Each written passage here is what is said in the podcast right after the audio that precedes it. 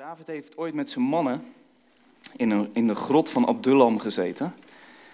Eigenlijk een beetje omdat ze bang waren voor, uh, ja, voor hun vijanden, weet je wel, hun, hun tegenstanders. En uh, Pastor Prins noemt dat heel mooi, staat in de Bijbel over die, die groep mensen, een stuk of 400. Dat noemt hij de 3D Army. Want er staat in de Engelse Bijbel dat ze distressed, discontented en in debt waren. Dus ongelukkig, onder druk, uh, ontevreden en, uh, en, diep in de schulden. He, en zo begin je wel eens he, met de aanbidding, of zo begin je wel eens met een preek van: Ik weet niet wat er voor week achter jullie ligt. En, en, maar heel eerlijk, zo, zo voel je je toch wel eens. En op een of andere manier probeert mijn tegenstander, de duivel, het altijd te concentreren bij elkaar, weet je. Dan, dan laat hij op allerlei vlakken, gebieden in mijn leven dingen gebeuren ja, uiteindelijk altijd weer met, met als doel dat, ik, uh, ja, dat er een vraagtekentje achter mijn identiteit komt te staan. Ben ik wel die geliefde zoon van God? Hè, die, die de Heer in alle opzichten wil zegenen. Snap je? Voor je het weet voel je een waardeloze pastor, een waardeloze echtgenoot, een waardeloze vader, een waardeloze manager, een waardeloze werknemer en ook nog eens een waardeloze waterpoloer. En de duivel probeert het altijd bij elkaar te proppen, zeg maar. En dan voel ik me ook wel eens zo'n 3D-army in, gewoon in mezelf, weet je wel. Daar heb ik anderen niet eens voor nodig om, me, om mezelf een 3D-army te noemen. En toch, weet je, geloof ik niet dat we het nou daar dan de hele tijd over moeten hebben. Snap je? Maar om een reuze dode te kunnen zijn, moet je soms wel even benoemen en erkennen dat er reuzen in je leven zijn, toch? En uh, wat ik nou heel graag zou willen, en dat is wat geloof ook uiteindelijk is. Hè? Geloof is geen verstandelijke instemming met bijbelse waarheden. En uh, hè, op het moment dat er wat te geloven valt, dat het stroef gaat in je leven, dan ga jij je bluffpoker spelen. Zet je je pokerface op, trek jij je geloofsjoker. Ja, maar in de Bijbel staat dit. Ja, jongens, geloven doe je in je hart. Daar moet het waar zijn. Dan is het echt geloof. En dat is wat de Heer graag wilde, weet je wel. Dat mijn en jouw gevoelige hart, en wat daarin soms allemaal speelt aan 3D Army dingen, dat, dat, dat daar vertrouwen op Jezus bij komt. Dat met wat ik soms voel en, en ervaar en beleef, dat in al die dingen, middenin daarin, dat daar echt vertrouwen op Jezus ontstaat. Dat is geloof. En dat gaat heel mijn leven veranderen en alle reuzen in mijn leven doden. Amen. Zeg maar eens tegen je buurman of buurvrouw. Lekker de R laten rollen. Jij bent een reuze doder. Beetje bas erin.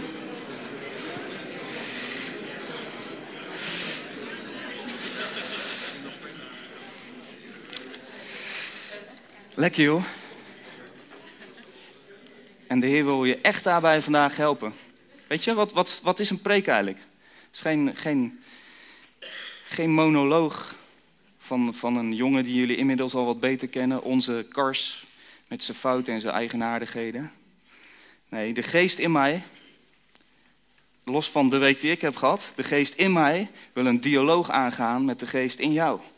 En dan gaat er iets stromen en dan gaat hij grootste dingen tot leven roepen. Dat is wat hij wil. Amen. Pastor Kees heeft ook wel zo'n geweldige preek gehad. Die, eh, die had als titel, uh, ik heb maar 30 minuten. Toen dacht ik, ja, dan heeft hij, slaat hij zo de spijker op zijn kop. Weet je, ik kan vandaag weer zeggen, jij bent geliefd, je bent geaccepteerd, je bent goed genoeg. Je mag er zijn. Uh, je bent gezegend, je bent rechtvaardig, je bent vergeven. Maar als jij alle andere half uurtjes in de week wat anders tegen jezelf zegt, wat geloof je dan aan het eind van de streep, aan het eind van de week? Niet wat ik vandaag vertel? En ik spreek uit dat, dat het vandaag binnenkomt en dat de geest het in jouw hart verder uitwerkt deze week en hij uitlegt. Amen. Heerlijk. Gaan we naar de eerste tekst uit Romeinen 5. Daar is die. Daar staat, in de Willebroord vertalen vind ik hem mooi. Daar staat, weliswaar is de wet erbij gekomen, waardoor de overtredingen zich hebben vermeerderd, maar waar de zonde heeft gewoekerd, werd de genade mateloos. Nou, er staat sowieso al het woordje wet. Weet je, omdat dat zo vaak voorkomt in het Nieuwe Testament, probeer ik het altijd fris voor mezelf te houden.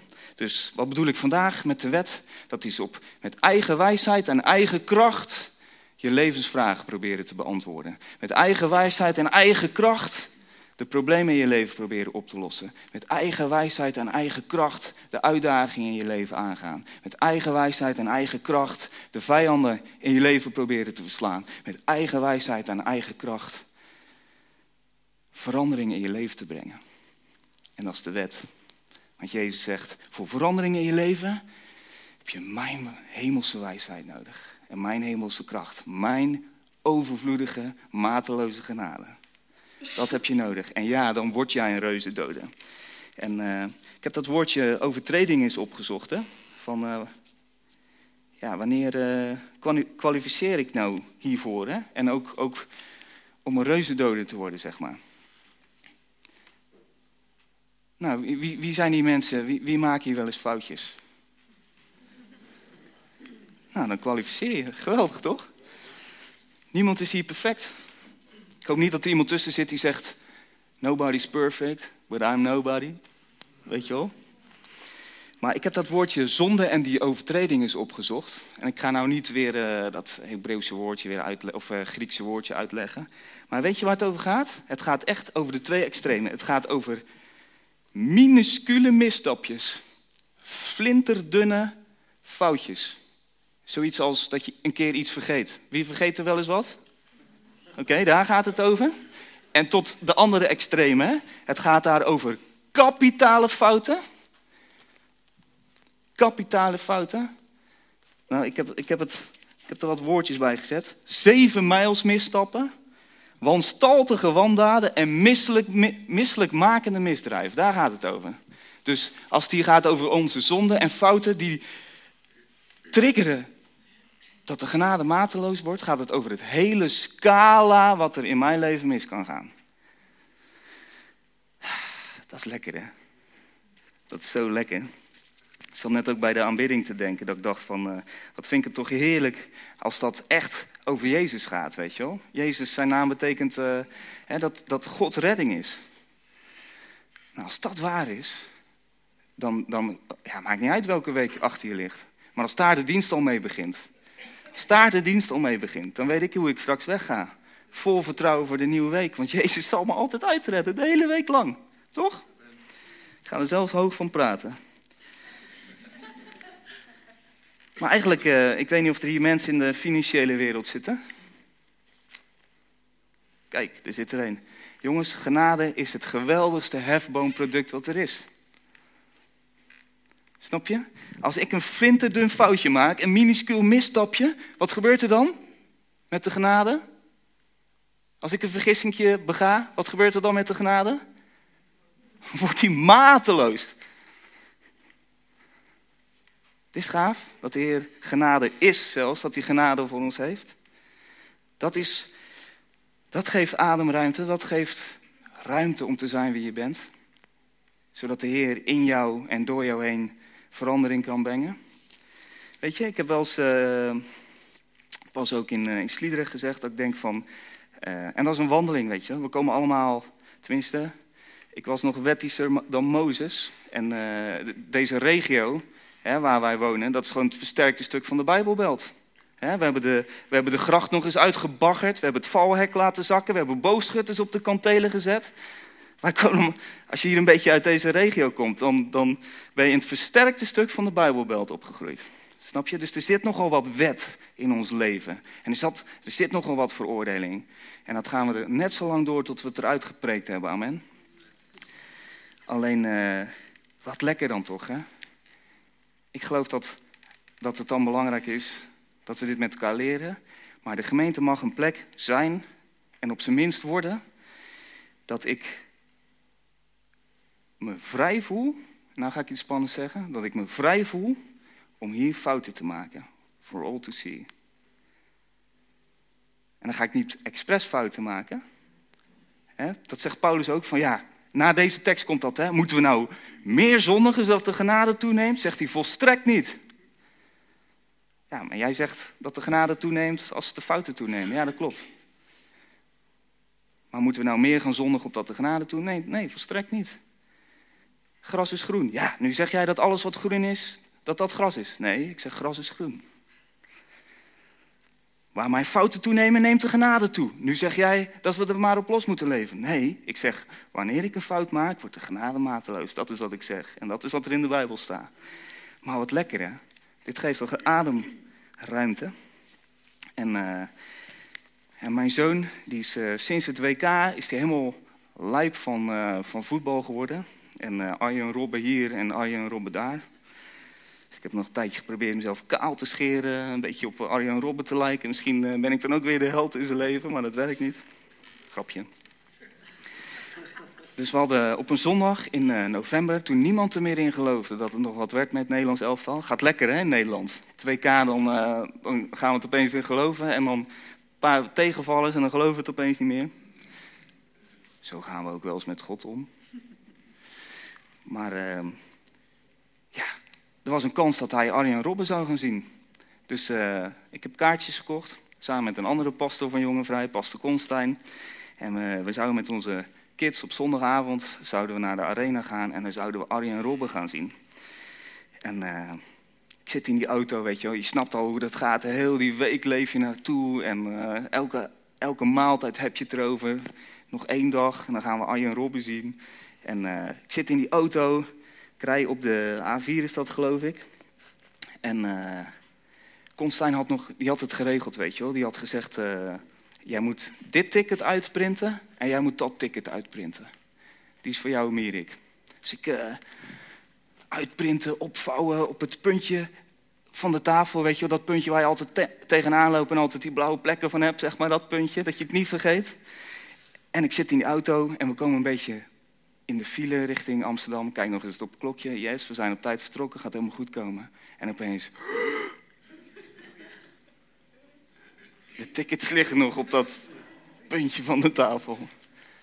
En ik weet hoe dat gaat in de arena. Je komt er echt niet in. Als je geen streepjescode hebt om langs de scanner te halen, dan blijft dat draaihek echt dicht, weet je wel.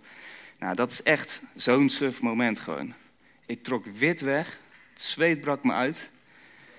En mijn jongetje kijkt naar me, die, die voelt natuurlijk ook, er is iets met papa. Pap, wat is er?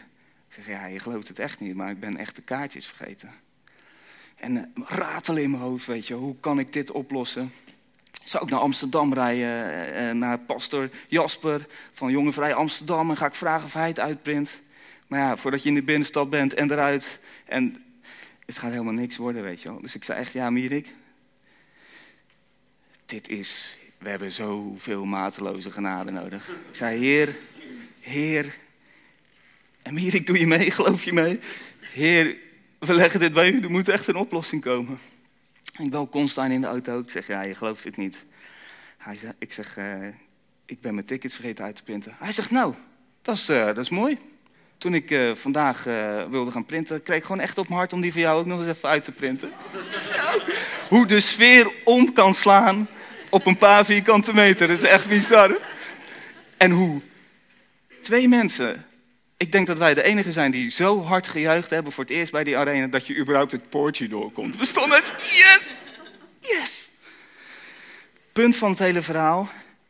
Wij hebben genade nodig voor alles. De kleinste vergissingjes tot misselijkmakende misdrijven. Wij hebben de genade van Jezus nodig. En het mooie is, hij wordt mateloos als ik foutjes maak. Lekker hè? Heerlijk. Nou, ik heb hem ook uh, in, het, uh, in het Engels opgezocht. In de message-vertaling staat hij heel mooi, vind ik. Er staat: All that passing laws against sin did was produce more lawbreakers. Ken je dat? Ik, uh, ik, ik hou van lekker rijden, weet je wel, in de auto. En bij tijd en wijle krijg je toch altijd weer bekeuringjes. En wat ik eerder over de duivel vertelde, is met bekeuringjes komen ook altijd in, in weet je wel. Die komen dan ook in één keer. En neem je, ja, dan zie je je vrouw eens de wenkbrauwen optrekken. En uh, in plaats van optrekken worden ze later, buigen ze een beetje naar binnen, zeg maar. En dan neem je altijd weer voor, ik ga nooit meer te hard rijden, weet je wel. Ik ga braaf 100 rijden, als, ook al is er op de A4 vijfbaansweg, rijdt er niemand. Ik ga braaf, braaf 100 rijden. En ik weet niet hoe het met jullie is, maar mijn rechtervoet lijkt gewoon wel ja, loodzwaar te worden. Gewoon 4G op dat ding. Hij lijkt wel in de fik te staan. Ken je dat? En op het moment dat ik me zo'n wetje opleg, dan gaat het gewoon, het gaat gewoon weer mis. Lekker dat we dan uit genade mogen leven, want wat staat er nou? Er staat, but sin, hè, dat, dat brede scala wat eronder valt, but sin didn't and doesn't have a chance in competition with the aggressive forgiveness we call grace. When it's sin versus grace, grace wins. Hands down. Gaaf, hè? Heerlijk. Daar word ik zo blij van. Ja, jongens. En genade, het mooie is, het is ook nog eens een persoon, joh. De wet werd letterlijk als een keiharde, steenkoude ijs gegraveerd in stenen platen, als een object aan Mozes gegeven, om aan het volk door te geven. Maar er staat in Johannes 1, vers 17 dat genade en waarheid kwamen met Jezus. Genade en waarheid kwamen in de persoon van Jezus. Genade is een persoon. Het staat ook in Hebreeën 4 dat we zonder schroom, dus ongegeneerd, schaamteloos, naakt, zou ik bijna zeggen, met de naakte waarheid op tafel mogen komen bij de troon van de genadige, staat er dan, waar, we telkens als we hulp nodig hebben, als we vergissingjes maken of misselijkmakende misdrijven begaan, waar we telkens als we hulp nodig hebben, vinden we barmhartigheid, vinden we warmhartigheid, vinden we een warm hart en alle genade die we nodig hebben. When it's sin versus grace, je zou ook dus kunnen zeggen, when it's sin versus Jesus, Jesus wins. Hands down. Lekker hè? Gaan we naar de volgende tekst.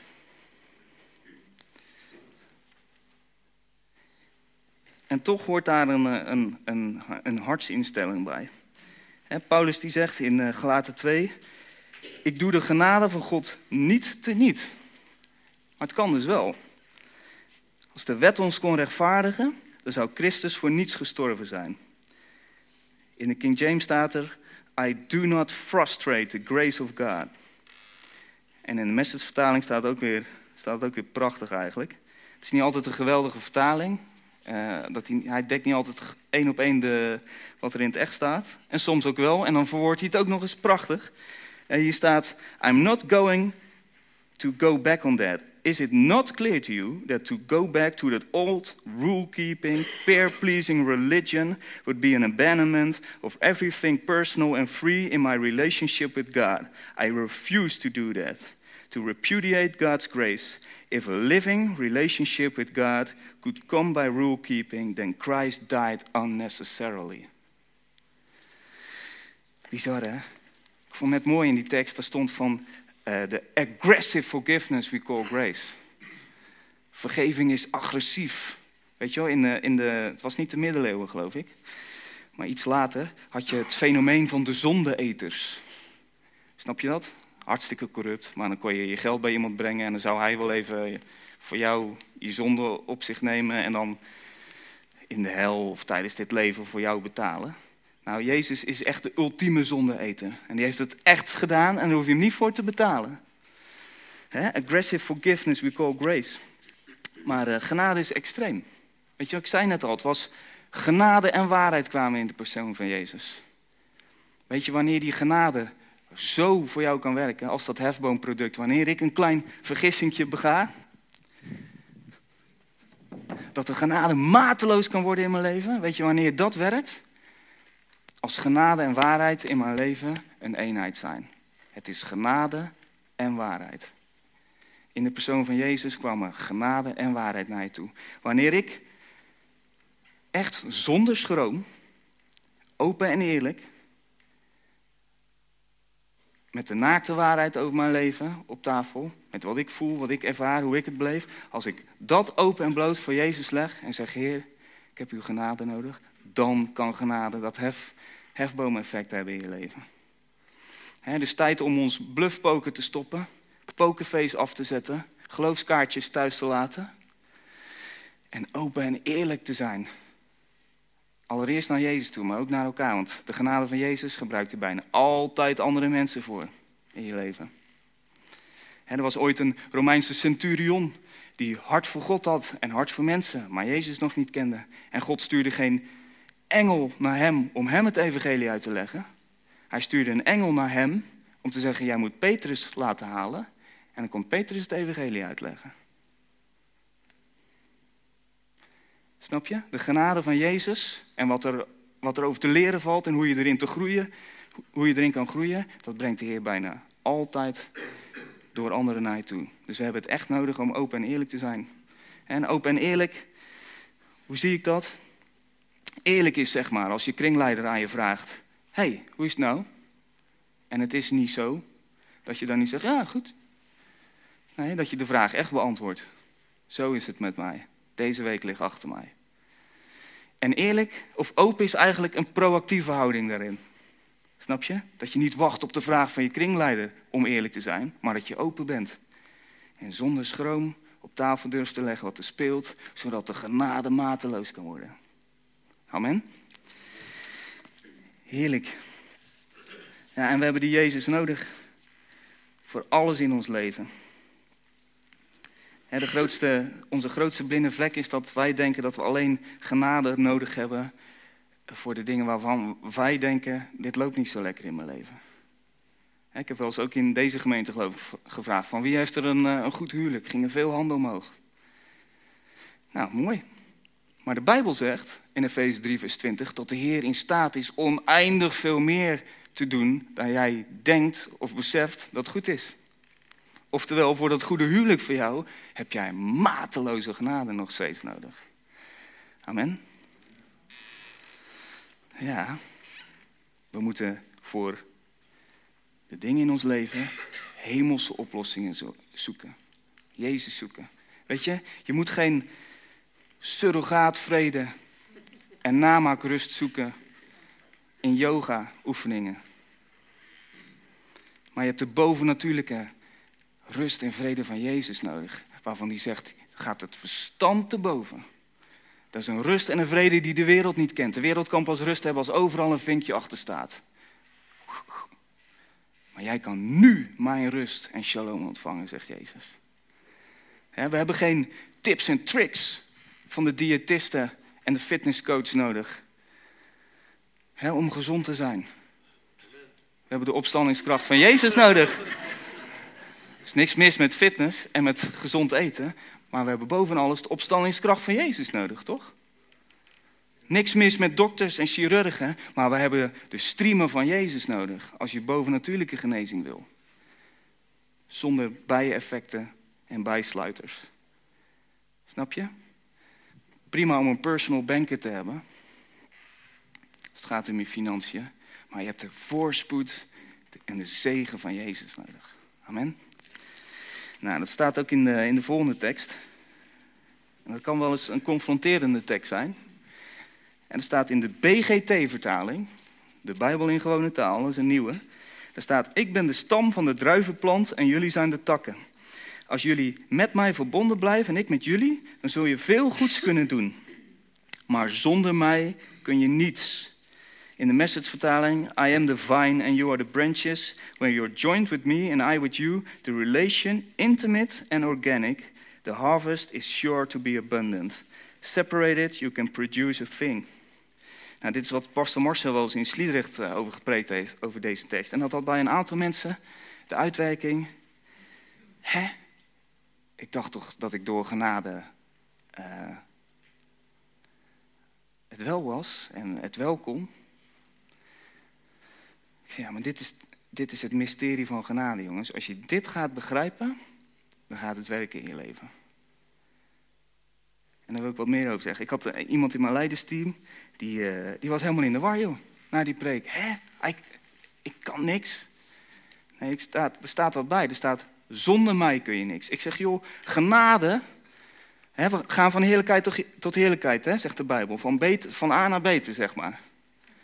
Maar genade gaat je nooit naar een plek brengen... waar jij geen, gena geen genade meer nodig hebt. Nooit. Leuk hè? Genade gaat je altijd naar een plek brengen waar de Heer je meer bereik geeft. Waar de Heer je domein vergroot. Waar de Heer je impact vergroot. Waar de Heer je invloed vergroot. Waar de Heer je, je gebied vergroot. Meer verantwoordelijkheid geeft. En geloof mij, in zo'n plek heb je veel meer genade nodig. Genade gaat je nooit naar een plek brengen waar je geen genade meer nodig hebt. Ik zei, maar dit is het mysterie van genade. Ik zeg, weet je wat nou grappig is? Ik zei tegen die jongen, wat bij jou nou merk is, dat als, ik, als deze tekst staat, zonder mij kun je niets, dan komt dat oude gevoel bij jou naar boven. Zie je het wel? Ik ben waardeloos, ik kan niks, ik mag er niet zijn, wordt niet van mij gehouden. Ik maar dit is het mysterie van genade. Je hebt het 0% verdiend. Je kan niks ervoor doen. Amen? Wat staat hier? Zonder mij kun je niets, maar je bent het 100% waard. Nou, dat lijkt een paradox, maar als je dat gaat snappen, dan ga je genade snappen. Dan ga je genade snappen. Want was je het, was je het waard? Ik geef het voorbeeld altijd met vrouwen die jurkjes kopen, maar laat ik het eens anders doen. Ik heb nog een stoer leren jackie nodig. Als ik naar de winkel ga en ik, en ik heb een paar honderd euro, laten we zeggen 300 euro. Ik zie een heel gaaf stoere, le, stoere, stoer leren jackie. En ik leg 300 euro op de balie en ik zeg, doe mij dat jasje maar. Wat is voor mij waardevoller? Het is op zijn minst evenveel waard, want hè, ik ruil mijn 300 euro voor het jasje. Maar wat wil ik eigenlijk liever hebben? Die 300 euro in mijn zak of dat jasje als ik hem koop? Dat jasje. Nou, dan moet je nou eens over, over God nadenken. Die heeft de darling of heaven, het troetelkind van de hemel, de lieveling van de engelen, Jezus, zijn enige geliefde zoon, heeft hij gegeven om jou te kopen. Wat zegt dat over jouw waarde? Nou, dit is het mysterie van genade, jongens. Dat je, terwijl je vol beseft zonder hem kan ik helemaal, zeg het eens, niets. Maar ik ben 100% waardevol en Jezus is Jezus voor mij, namelijk God die redt. Ja, dan ga je uit genade leven. Lekker hè? Heerlijk. Weg met, dat, met die, die oude manier, joh. Een beetje van God, een beetje van mezelf en een beetje van magie. Do your best and God will do the rest. Echt niet. Alles van Jezus. Amen. Heerlijk. Weet je, dan gaan we toch eens even naar die reuzen toe werken. Kijk, David kwam op een bepaald moment tegenover Goliath te staan. Hè? Zal ik Goliath eerst eens even beschrijven? Gebruik dat podium ook nog eens een keer. Oké, klaar voor? Kijk echt op jullie neer zo, weet je wel. Goliath. Toen kwam er een man uit het kamp van de Filistijnen. Een sterke, toen kwam er uit het kamp van de Filistijnen een sterke soldaat naar voren. Zijn naam was Goliath. En hij kwam uit de stad Gad. Hij was bijna drie meter lang. Nou, ik denk dat, dat dit zo ongeveer is. Wat is jullie inschatting? Hij was bijna drie meter lang. Hij had een bronzen helm op zijn hoofd en had een harnas dat meer dan 50 kilo woog. Om zijn benen had hij bronzen beschermplaten en op zijn rug hing een bronzen kromzwaard. Zijn speer was zo dik als een paal, staat er. en de punt van de speer was gemaakt van zes kilo ijzer. Een knecht droeg het schild, droeg het schild van Goliath en liep voor hem uit. David, die stond voor het oog tegenover een fysiek probleem, toch? Groot, veel spieren, veel haar, veel metaal. Ik denk, uh, ik denk dat Goliath van heavy metal zou houden in onze tijd, zeg maar. Een groot fysiek probleem. Ik denk ook, moet je je voorstellen, dit podium, nou, dat podium klinkt niet, maar dat, dat, hoe dat geklonken heeft, weet je. Zo, en met elke stap moet je denken aan van die kettingen, weet je wel. Die, uh, zo'n doffe klap en, en kettinggeluid, zeg maar. En dat hij dan echt zo op je neerkijkt, hè. Dat is Goliath. Ja, even heel eerlijk. When it's David against Goliath. wanneer het David op, met eigen aardse wijsheid en aardse kracht tegenover Goliath was. Goliath wins, hands down. Amen. Toch? En toch heeft David hem verslagen. Weet je wat helpt? Hoe fysiek het ook lijkt, die reus, wist je dat hij demonische roots had? Dat David geen aards fysiek probleem en een hoop vlees, haar, geluid en, en onzin uh, tegemoet trad. Maar er was een geestelijk probleem wat hij had. Ik weet niet of je weet hoe de reuzen zijn ontstaan. even snelcursus. In Genesis 6 staat dat de zonen gods, de engelen die gevallen waren, de engelen die bij de duivel horen, dat die uh, seksuele omgang met aardse vrouwen hadden. En dat daaruit voortkwamen de reuzen. Staat in een van de vertalingen staat het zo mooi, de kerels van de voortijd. Nou, er zijn heel veel fenomenen in die tijd die we niet kunnen verklaren. En ik denk dat het heel veel te maken heeft met, met reuzen. hoe, hoe, konden ze in die tijd met de technieken van toen piramides maken bijvoorbeeld? Dat, vraagt men vandaag de dag nog steeds van hoe hebben ze dat gedaan. Totdat er van die mannen van 3000 of van 3 meter rondlopen. Hé, hey, doe me nog eens een steen. Weet je wel? En, uh, en er staat dat hun geweld, hè, dat waren dus mensen, mensen, meer half-breeds, hybrids, reuzen. Die waren niet alleen geestelijk gevallen, zeg maar. Die hadden niet alleen een verknipt hart, maar die waren zelfs tot in hun genen demonisch verontreinigd. En er staat dat het geweld van die reuzen de aarde overspoelde. Dat de hele aarde onder de invloed was van hun geweld en van hoe hun mensen doodmaakten. En er staat over Noach, er staat dat hij de enige was, staat er een beetje dubbel op, maar in de Naardense vertaling staat het heel mooi. Er staat dat Noach oprecht was en volgaaf. Noach was op het laatst nog maar de enige mens die tot in zijn celletjes, tot in zijn genen 100% mens was.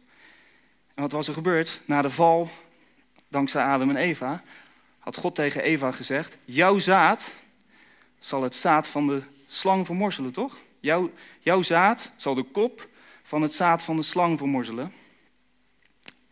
En het zaad van de slang zal de hiel vermorzelen van jouw zaad, Eva. Nou, moet je eens even nadenken. Ik snap heel veel van biologie om te weten dat een vrouw geen zaad heeft. Jij ook? Spreekt dus van de maagdelijke geboorte van Jezus. Daar gaat het over als het over Eva's zaad gaat. En er staat dat Jezus, die zal de kop van de duivel vermorzelen. En de duivel zal de hiel van Jezus vermorzelen. Nou, dat is wat er aan het kruis is gebeurd. dus Jezus leek verslagen, leek dood, was ook dood, was gestorven, maar hij stond op uit de dood en hij overwon de duivel. De duivel wist, vanaf dat moment kreeg hij een hekel, had al een hekel aan mensen, maar toen helemaal. Hij wist, als ik ervoor kan zorgen dat er geen mensen meer zijn die tot in hun gene 100% zuiver mens zijn en ik maak ze allemaal dood en ik of ik verontreinig ze allemaal, kan Jezus de redder van de wereld niet geboren worden. Het was 100% liefde dat God Noach redde van de zondvloed. Amen. Oftewel, reuzen, reuzen in jouw leven, is geen aards probleem. Is een probleem met geestelijke roots, wat je geestelijk moet bestrijden. Wij mogen slim worden. wij, wij, pakken heel veel problemen, uitdagingen, vragen in ons leven aan. Eerst met eigen wijsheid, eerst met, eerst met eigen kracht. En lukt het niet, daar vragen we dan vaak nog achteraf nog wel even de zegen van de Heer over. En lukt dat niet, ja, dan hebben we genade nodig. Echt niet. Voor de kleinste dingetjes, ticketje niet uitgeprint, tot aan de grote reus in jouw leven. Overal genade voor nodig. Ga misschien alle uitdagingen in jouw leven maar eens zien als een grote reus. Dat gaat twee dingen uitwerken. Eén, je ontdekt, ik kan dit zelf niet. Yes, tot die conclusie moet je komen. En twee, oeh, ik heb Jezus nodig. Leuk hè? Eens kijken hoe, uh, hoe uh, David, dat vinden wij dus snel arrogant, maar hoe David op, uh, op Goliath afkomt. En die moet dus omhoog kijken. Het is niet dat hij een beetje op gelijke hoogte kon praten. En, maar hij moest een beetje harder praten, denk ik. Zijn, zijn stem moest een afstandje overleggen. En hij moest zo omhoog kijken. En dan zegt hij, de volgende tekst, weet niet of, ja precies. Jij daagt me uit met je zwaard, je lans en je kromzwaard, antwoordde David. Maar ik daag jou uit in de naam van de Heer van de hemelse machten, de God van de gelederen van Israël die jij beschimt. Maar vandaag zal de Heer je aan mij uitleveren. Ik zal je verslaan en je hoofd afhouden. Lekker pauw hè? De lijken van de Filistijnen zal ik aan de aasgieren en de hyena's ten prooi geven, zodat de hele wereld weet dat Israël een God heeft. Dan zal iedereen hier beseffen dat de Heer geen zwaard of lans nodig heeft om te overwinnen. Want Hij is degene die de uitslag van de strijd bepaalt en Hij zal jullie aan ons uitleveren. Zullen wij dat ook gaan doen? Voor alles, elke vraag in ons leven, elke levensfeitjes, situaties, omstandigheden die we graag veranderd zouden willen zien. Alle vijanden in ons leven, alle problemen die opgelost zouden moeten worden, zullen wij voortaan geestelijk insteken. Oftewel met Jezus erin gaan. En de Heer geeft daar zoveel middelen voor. Ik ga er niet op in, maar hij geeft de doop. Als je echt nog nooit echt, als je altijd het gevoel hebt gehad van, man, er zijn nog zoveel dingen uit mijn oude leven waar ik een punt achter zou willen zetten. Ik zou, ik zou wel willen dat het afgesneden kon worden. Laat je dopen. Het avondmaal, een manier van de Heer om bovennatuurlijke genezing en gezondheid te ontvangen. En echt iets waardoor die je tot in je hart helpt om te overtuigd te raken van het feit dat je vergeven en geaccepteerd bent. Oliezalven, daar zegt de Heer van dat hij daardoorheen wil genezen. Profiteren. Hij wil je helpen om je voor te bereiden op de toekomst en je plannen slim te maken. Laten we geestelijk insteken voor de uitdagingen van een aards leven, waarbij de problemen eigenlijk altijd een geestelijke route hebben, namelijk een duivel die ons dwars probeert te zitten. Volgende tekst. David nam het hoofd van de Filistijn mee om het naar Jeruzalem te brengen. De wapens die hij hem had afgenomen, legde hij in zijn tent. David dan een lege tentje, zeg maar. En er staat in Johannes 19, dat gaat dan over Jezus. Hij droeg zelf het kruis naar de zogeheten schedelplaats in het Hebreeuwse Gogota. Weet je wat, door Joodse overlevering, eh, wat de Joodse overlevering leert? En die is doorgaans heel nauwkeurig. die David die nam, ik kan me dat dan voorstellen. Goliath bij zijn haren zo, even, een goede grip hebben, zeg maar. En die, die heeft gewoon dat hoofd gewoon gesleept. En lag er af en toe zo'n steentje op de weg, weet je. Boem, stuit het hoofd nog even op. Boem. En die sleept dat hoofd mee naar, uh, naar Jeruzalem. En weet je wat de Joodse overlevering zegt? Dat hij in Jeruzalem is uh, nou, dat zegt de Bijbel al, hè, dat hij hem in Jeruzalem heeft begraven. Maar Joodse overlevering zegt dat hij op welke plek is begraven, dat hoofd van Goliath de schedelplaats, Gogota. De plek waar de hemelse David later de greater, de greater Goliath zou verslaan voor ons. Gaaf, hè? Om te laten zien hoeveel dat verhaal ook met ons te maken heeft. Nou, en zoals de mannen van David later David achterna zouden gaan en zelf ook reuzendoders zouden worden, zo mogen wij onze hemelse David achterna gaan. om in dit leven ook reuzendoders te worden. Zou je dat weer eens willen weten? Ga ik mee afsluiten. Hoe het verliep met de mannen die David volgden. Als geestelijk plaatje voor hoe het ons gaat verlopen. Als wij Jezus gaan volgen in alles van ons leven. Waar het dan afloopt. Wie vindt dat leuk? Komt-ie. Is, echt, het is best wel grappig namelijk ook. Er staat, er begon weer een oorlog tussen de Filistijnen en de Israëlieten. David ging met zijn leger op weg naar de Filistijnen. Nou, dan zeg ik altijd lastig uit tegen de Filistijnen. Aan de kant van de Filistijnen vochten ook Refaïten mee. Dat was dus zo'n reuzengeslacht. Het is dus na de zondvloed opnieuw misgegaan. Een van hen was Jesbi Benop. Nou, die moet ook gewoon dood, vind je? Zijn speer woog wel drie kilo en hij had een nieuw zwaard. had een nieuw zwaard, zat er ook gewoon bij. Toen David moe was van het vechten, probeerde Jesbi Benop hem te doden. Maar Abisai, de zoon van Seruja, kwam David helpen. En dan staat er heel kort, hij sloeg de Filistijn dood. Maar eigenlijk staat er dus, hij sloeg de reus dood. Toen zeiden de Israëlieten tegen David, beloof ons alstublieft dat u niet meer met ons meevecht, want het zou vreselijk zijn voor Israël als u zou sterven. Klinkt als, je wordt hier een beetje te oud voor. een tijd later was er weer een gevecht tegen de Filistijnen in Gop. Toen werd de Refaït Saf gedood door Sibbegai uit Gusa. Daarna was er nog een gevecht tegen de Filistijnen, ook in Gop. Aan de, Filistijnen, aan de kant van de Filistijnen vocht Goliath mee uit de stad Gad.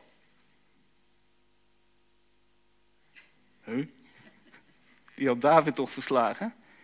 Ik denk dat Goliath uit Gad zoiets is als Jan uit Barendrecht, zeg maar. Zijn speer was zo dik als een paal, maar hij werd gedood door Elganan, de zoon van Jari uit Liedmanen, uh, Jari uit Bethlehem. En er was ook een gevecht in Gad. Daar vocht een reus mee met twaalf vingers en twaalf tenen. Zie hoe zelfs die reuzen echt gewoon eigenlijk mutanten waren, tot in hun genen verpest eigenlijk. En jij maar denken dat eh, Marvel de X-Men bedacht heeft. Nou, echt niet. Ook hij was een Refaït. En toen de Israëlieten, toen hij de Israëlieten begon uit te schelden, dit vind ik leuk. Dus terwijl hij de Israëlieten begon uit te schelden, werd hij gedood door Jonathan. Jonathan was een zoon van Davids broer Sima. Die vier Refaïten zijn dus gedood door de soldaten van David. Gaaf hè? Dit was die 3D-army, hè, deze jongens. Dat waren die jongens die bang zaten te zijn in de grot van Abdullam. In debt, discontented en distressed. In schulden, aan het eind van hun maand, nee, aan het eind van hun salaris hielden ze een stukje maand over, zeg maar. In schulden, ongelukkig en ontevreden. Dat werden reuzendoders in navolging van aardse David. En zo mogen wij de, de hemelse David achterna gaan en de reuzen in ons leven tot een einde maken. Amen. Wil ook afsluiten met een, uh, een tekst die Paulus ook schrijft. Jezus zei net, zonder mij kun je niets. Maar wat schrijft Paulus in Filippenzen 4?